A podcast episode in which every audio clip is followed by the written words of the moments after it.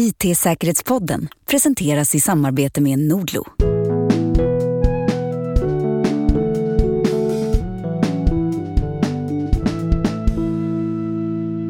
I en värld med över 9 miljarder uppkopplade enheter och det kombinerat med accelererande digitalisering och geopolitisk osäkerhet, ja, då är det väsentligt för oss att fokusera på digital affärsrisk.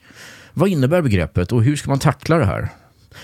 Inte helt enkelt faktiskt, så till min hjälp har jag Freddy Rinderud som är Head of Advisory Service på analysföretaget Radar.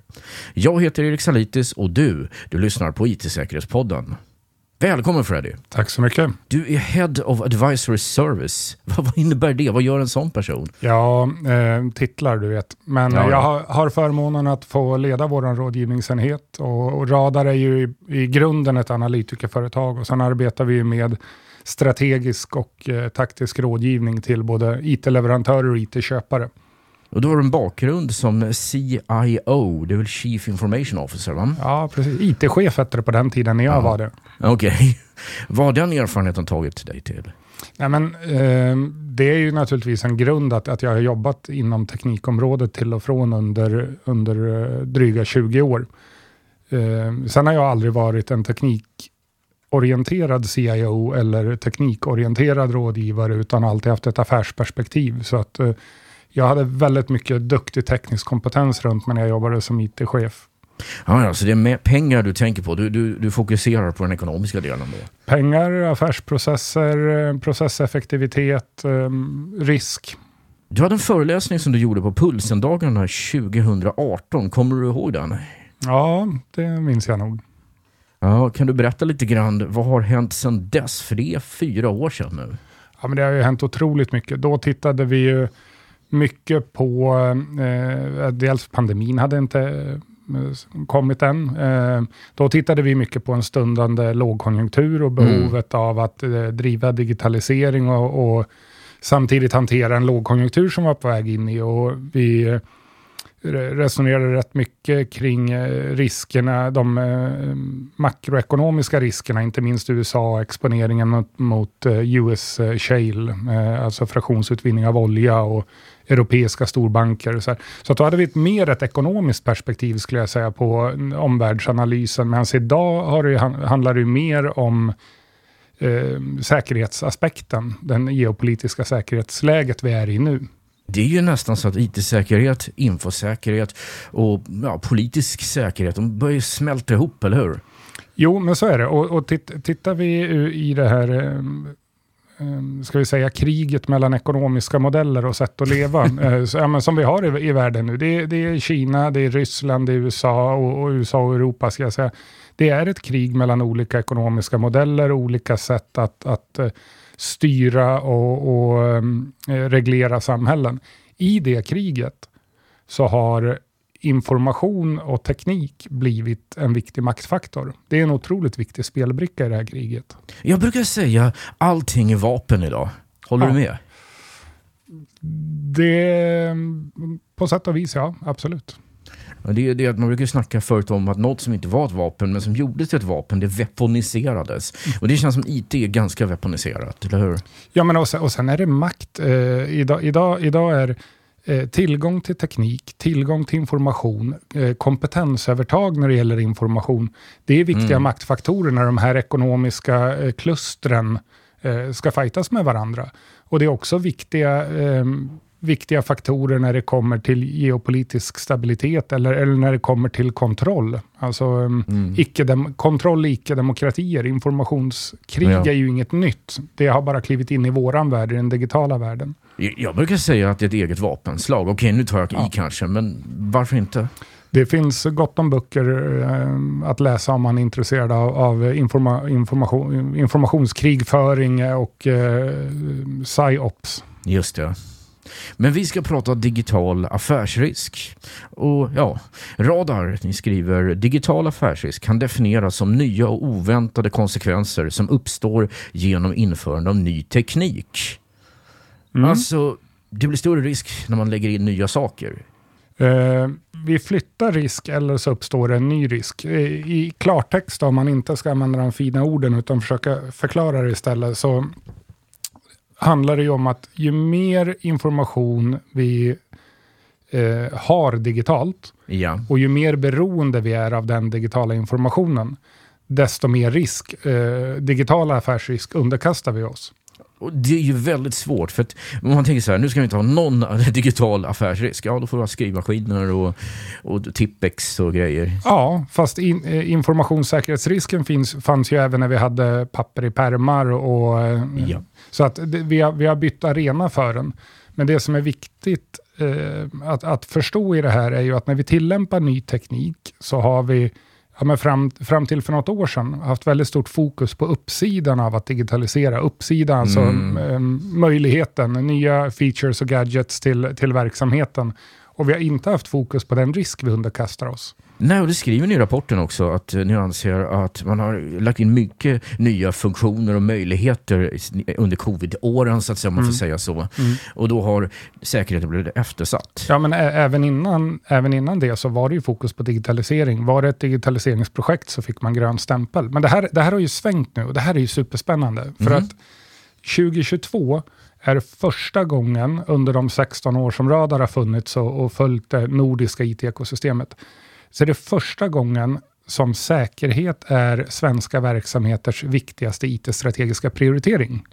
Alltså, Det, det har alltid varit kostnadseffektivisering, innovation, digitalisering, den typen av, av ska vi säga, framåtlutade eh, områden som har varit de viktigaste IT-strategiska prioriteringarna. I år är det säkerhet. Det är alltså lite Bert the Turtle. Jag vet inte om du vet vad det är. Nej, jag känner inte till det. Nej, det är en gammal 50-tals tecknad film med Bert the Turtle som hoppade in i skalet varje gång det kom en atombombsexplosion. Men det är lite det stad- stadiet vi är nu, är det inte?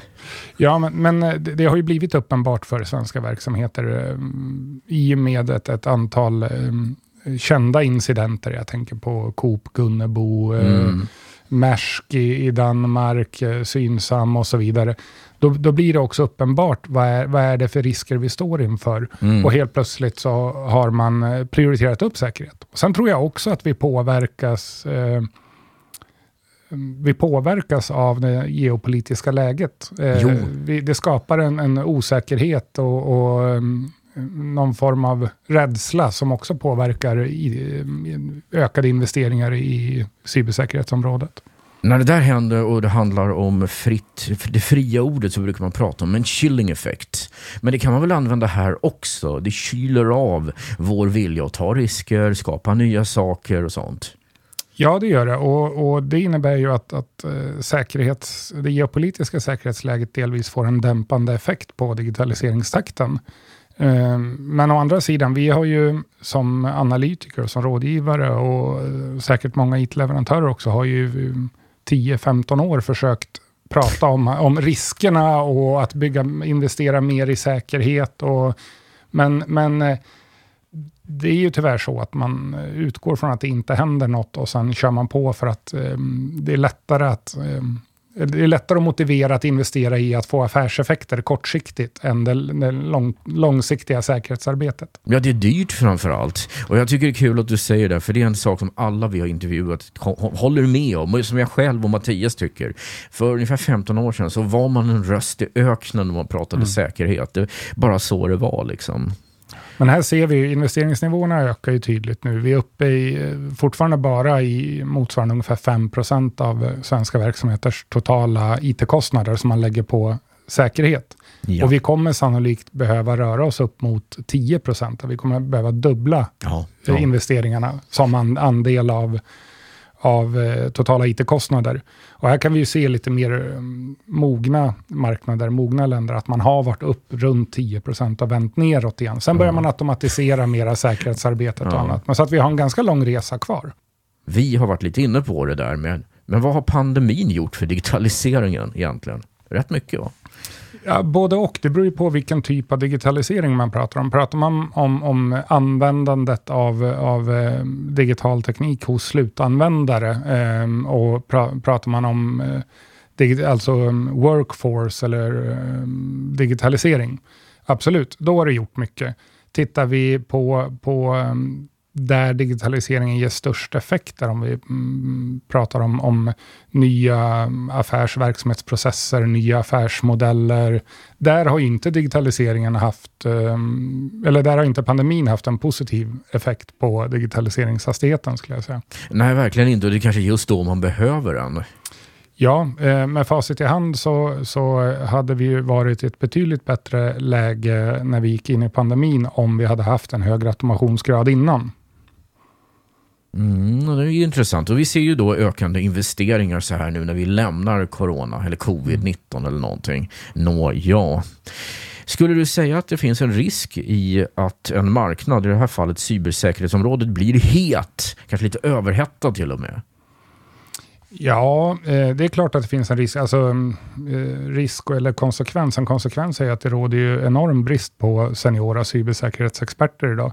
Det, det är en konsekvens och det är en, en, stor utmaning. Det finns också naturligtvis en, en risk i att väldigt många IT-leverantörer, IT-tjänsteleverantörer, snabbt vill få fram säkerhetserbjudanden. Ja. Och um, det är ju bra i sig förvisso, men det är också så att det blir väldigt svårt att navigera som IT-köpare, därför att det en leverantör kallar för en socken och helt annat än det en annan leverantör kallar för en sock. Mattias som har skrivit det här manuset, han är lite inne på att det skulle kunna dra åt sig oseriösa aktörer också. Alltså lurendrejare och sånt. Uh, vi har väl inte sett det så konkret inom IT-området. Det är så pass stora värden och transaktioner. Det, um, så att, uh, jag har inte sett något, eller vi har inte sett något tydligt sånt mönster än. Det kanske är lite för mogen marknad för det.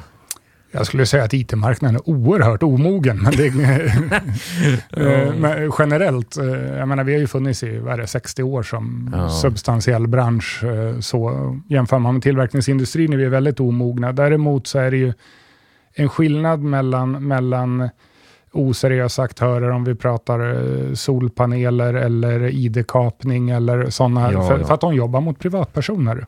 Ja, Okej, okay. då hoppas de på lite sämre kunskaper kanske. Ja. Ja, alltså jag tänker så här, 9 miljarder uppkopplade enheter. Jag visste inte det. Jag, jag, det är så jag får huvudvärk bara att tänka mm. på det. Måste allting vara uppkopplat?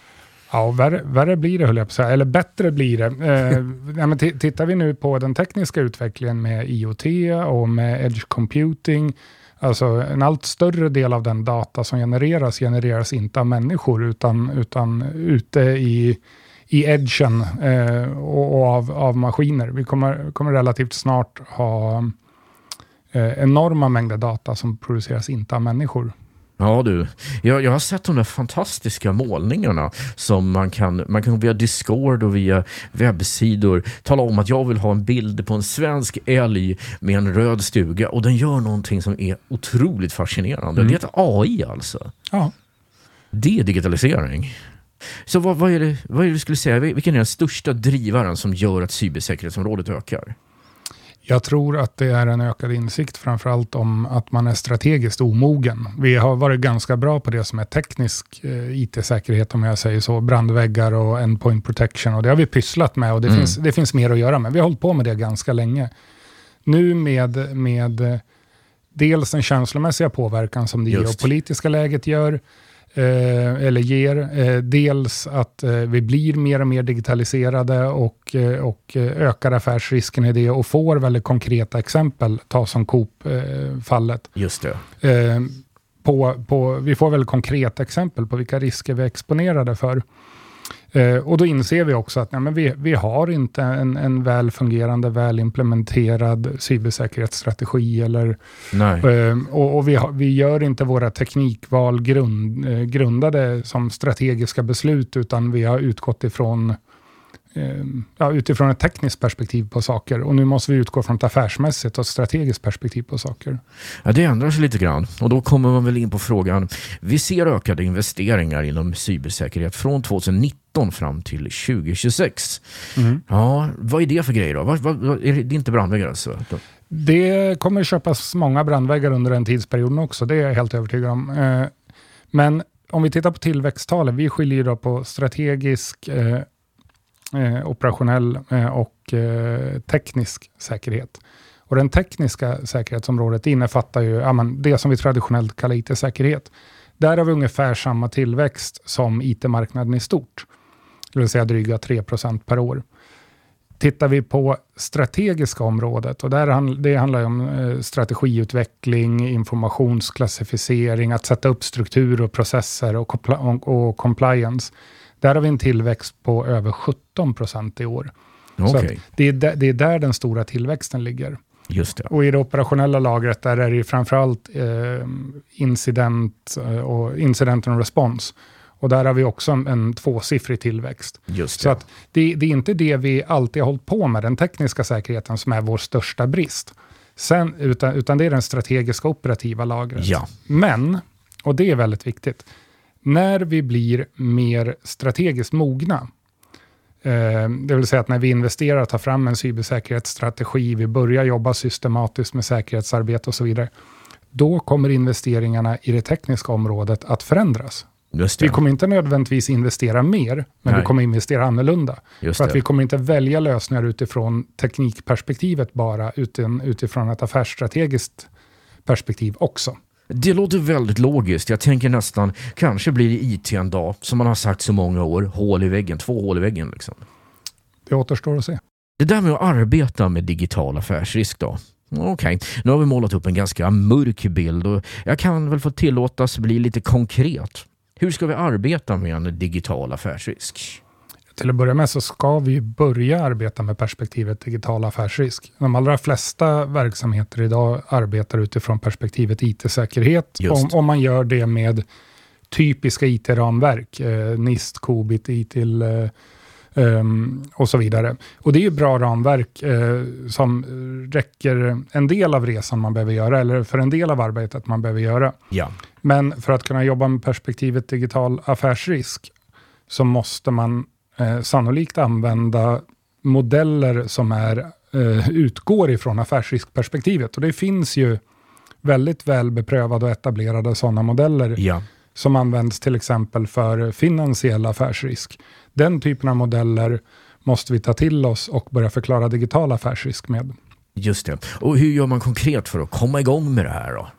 Ja, det första bästa steget är förstås att ladda ner rapporten från IT-säkerhet till digital affärsrisk, eh, som, som finns hos oss att ladda ner för att få en, en första inblick i hur tillämpar man sådana här modeller i verksamheten. Mm, mm. Men, det, men det, handlar, det handlar ju om att prissätta risk, börja jobba med, med kvantitativ analys av, eh, av riskkostnad och ri, kostnad för riskreducerande åtgärder och ja, använda beprövade modeller för det här. Det väl låter jättebra, men det är en sak som jag lite grann reagerar på när jag läste rapporten. Och det är det att ni vill gå ifrån kvalitativa eh, riskbedömningar. Är det rätt tolkat? Eh, eh, ja, eh, mer eller mindre höll jag på att säga. Eh, alltså det är klart att det finns alltid en kvalitativ komponent. Man, man bör göra bedömningen, är det helt omöjligt att något kan inträffa så behöver vi kanske inte ta höjd för det. Nej, nej. Men nu är det ju så här, in, inom eh, cybersäkerhetsområdet just nu så vet vi ju att det händer. Och det händer hela tiden och det är inte en fråga om man kommer bli utsatt för ett intrångsförsök eller ett eh, ransomware eller någonting annat. Det händer hela tiden. Ja. Och då måste man vända på det och titta på det ur, ur ett kvantitativt perspektiv. Och bara för att ta ett, ett eh, exempel på det, så ju, i mitten av 70-talet så gjorde vi kvalitativa analyser på vad, hur stor är sannolikheten för en härdsmälta i ett kärnkraftverk. Och så konstaterade vi att ja, men, det är så liten sannolikhet så det kommer nog inte ens ha hänt när det ens har hänt. eh, så, ja. eh, och nu, eh, ett antal år senare, så har vi haft eh, tre härdsmältor. Eh, Harrisburg, Fukushima och Tjernobyl. Ja. Och nu i efterhand kan vi konstatera att den kvalitativa analysen man gjorde 1977 eller 1978, den är ju absolut ingenting värd. ja, men vad sjutton var det Tage Danielsson Ja, som... det var ju hans, att ja. sannolikheten är så liten så att inte en... Det var därifrån du fick det där. Det, det, ja, det, det hade inte ens hänt fast det hade hänt. Ja, ja. Men det var... nej, men, nej, men, och, och där, det demonstrerar ju, det är ett exempel på när kvalitativ analys inte räcker till. Ja, utan man måste också göra den kvantitativa analysen. Ja, men när det händer, eller om det händer, vad kommer effekterna bli? Vad kommer det kosta? Hur ska vi hantera det? Hur kan vi eh, riskmitigera eller riskreducera eh, ja. reducera risken, reducera effekterna av en sån händelse? Och så, då får man börja vidta åtgärder utifrån det.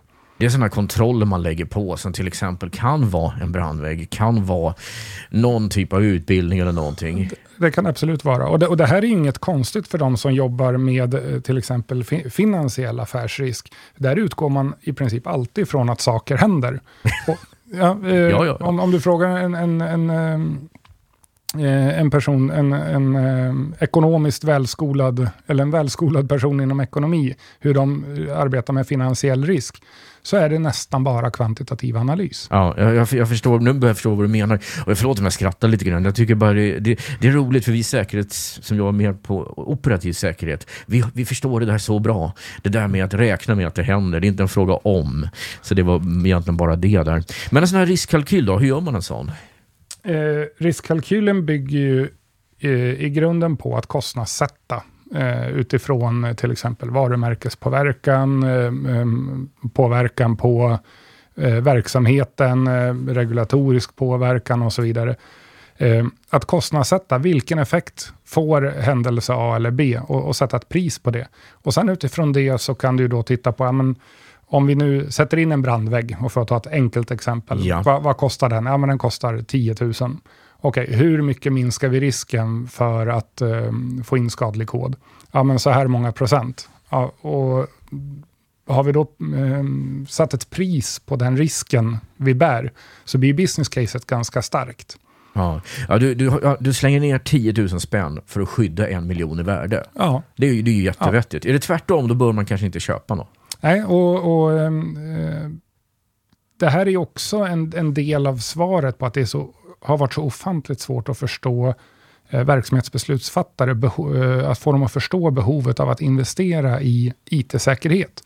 Men det är ju ofta för att vi har klivit in med ett tekniskt perspektiv och sagt Ja. att ja, men vi behöver bli eh, NIST eller ITIL compliant på den här nivån och det flyger ju helt över huvudet på någon som inte är inom IT-området. Just. Men när vi kan gå in och titta på att ja, men det här är risken.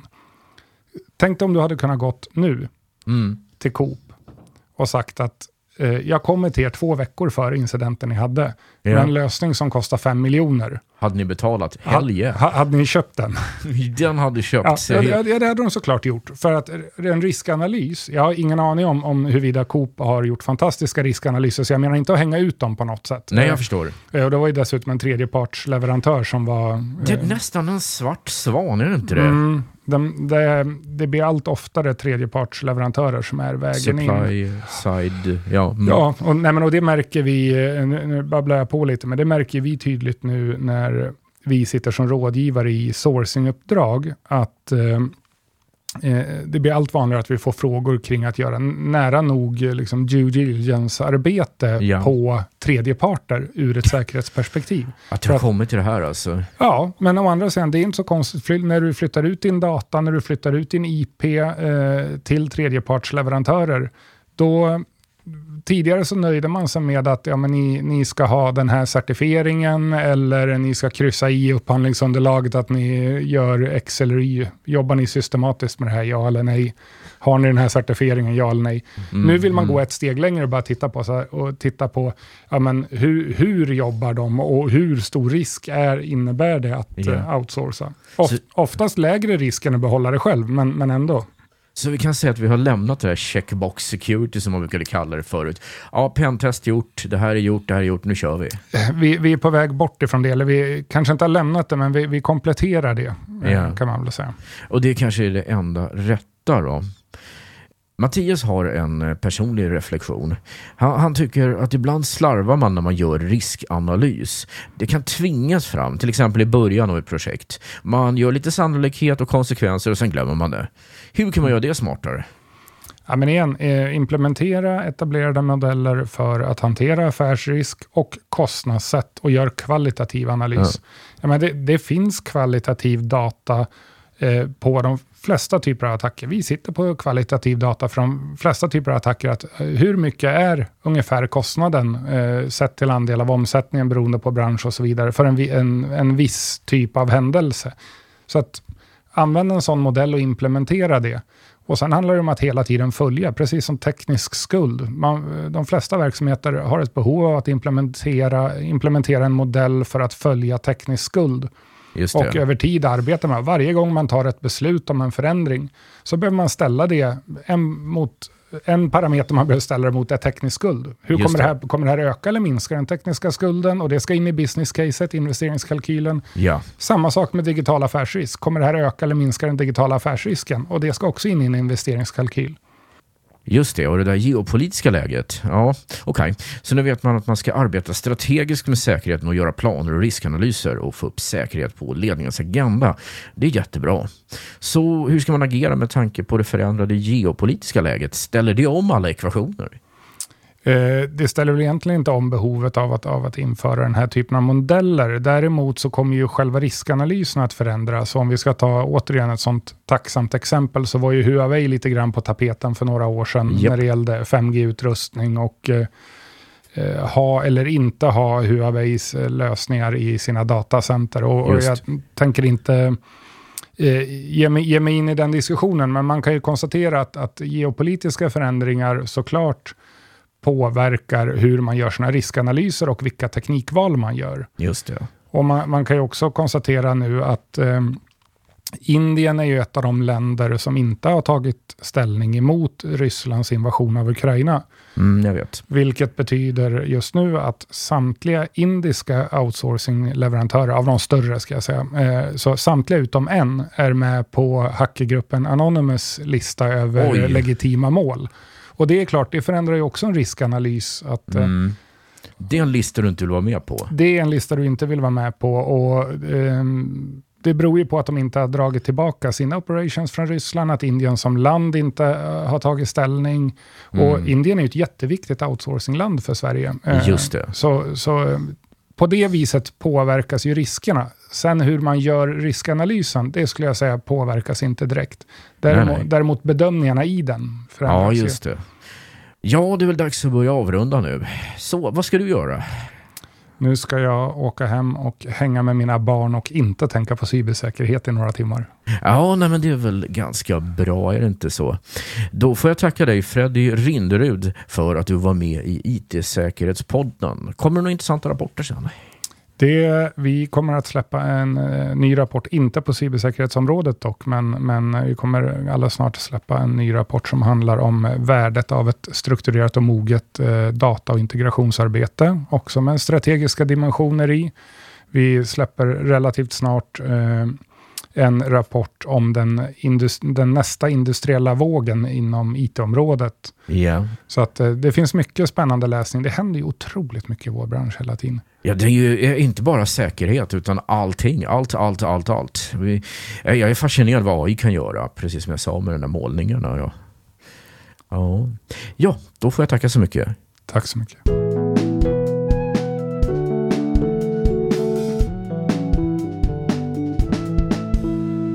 IT-säkerhetspodden sponsras av Nordlo, din nordiska IT och digitaliseringspartner. Med strategisk rådgivning, ett nära samarbete och med ansvarsfull och innovativ teknik hjälper vi våra kunder att driva digitaliseringen framåt. Läs mer på nordlo.com.